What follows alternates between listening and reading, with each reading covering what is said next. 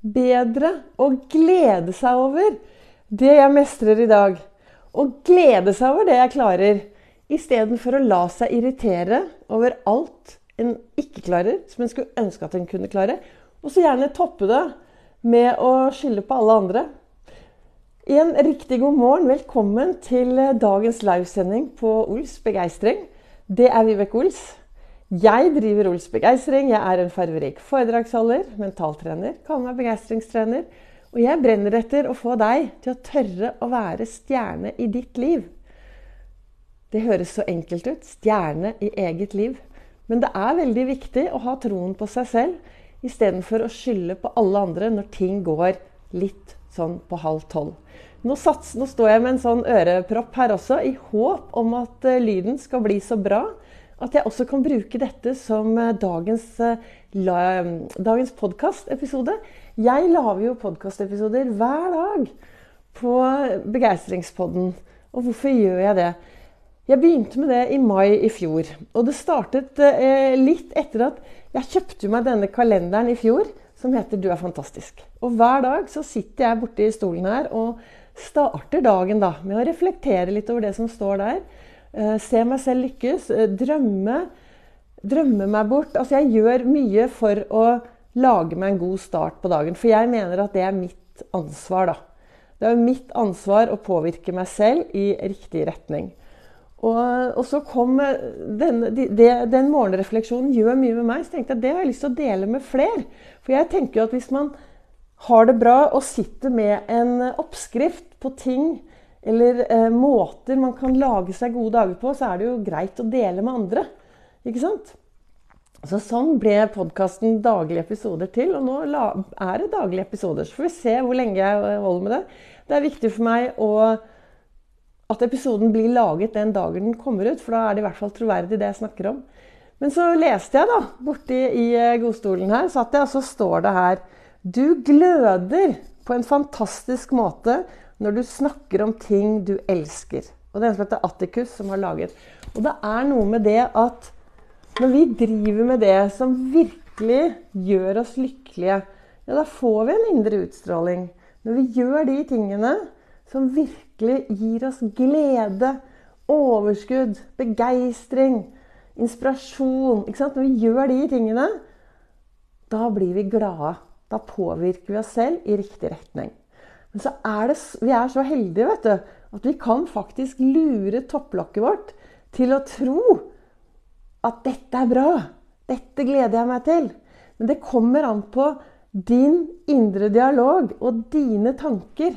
Hvordan du tenker, og hvordan du snakker til deg selv hver eneste dag. I dag er det mandag, og noen sier sånn Åh, hater mandager. Mens andre sier Åh, jeg gleder meg, det er mandag. Jeg gleder meg til hver eneste dag, jeg.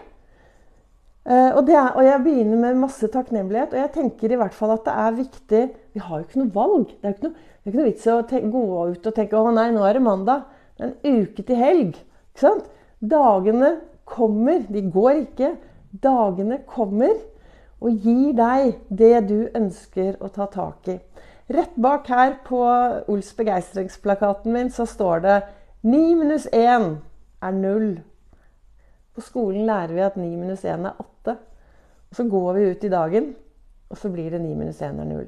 Og hva er det? Jo, det er dette at vi Det skjer noe hvis vi slutter å fokusere på det negative og begynner å glede oss over det vi mestrer i hverdagen. Istedenfor å irritere seg over det som vi skulle ønske vi hadde gjort bedre, eller som vi kanskje hadde mestret annerledes. For det, tenk deg at du får ni fantastiske tilbakemeldinger. da. Tenk deg at du har ni gode opplevelser. Det liksom bare, det bare bobler over. Og så kommer det én liten dårlig kommentar fra sidelinjen. Eller en dårlig opplevelse, eller en mail, eller et eller annet ting som er mindre bra. Hvor lett er det da å huske de ni andre tingene? Ofte så glemmer vi det. Og så begynner vi å fokusere på disse små negative duppeditt-tingene. Og så bruker vi mye fokus på det. Og så skylder vi kanskje på mange andre. Og så setter det, seg, setter det, oss i en skikkelig dårlig tilstand. Og så bare går det, blir det mer og mer. Og så kanskje det er det siste du tenker på når du går og legger deg om kvelden. Og hva tror du er det første du tenker når du våkner neste morgen? Ja, det er på de tingene som var negative fra dagen før. Derfor er det så viktig å ha fokus på disse tankene våre. Hva er det jeg til enhver tid tenker om meg selv? Hva er det jeg tenker om andre? For det påvirker deg også hvis du går rundt og har masse møkkatanker om alle andre. Kast heller de menneskene du mener negative ting om, ut. Vekk. Vil ikke ha det i livet mitt. Pjoff! Vekk med de. Istedenfor å gå rundt og la seg irritere. For det er det. Når du lar deg irritere, og hører du jeg sier 'la seg irritere', så er det kun deg det går utover. For det, det er ingen andre som merker hvis du lar deg irritere. Det er deg. Ikke sant? Det er kun deg.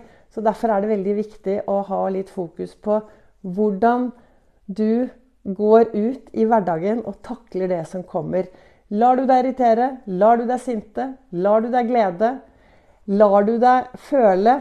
Altså alt dette.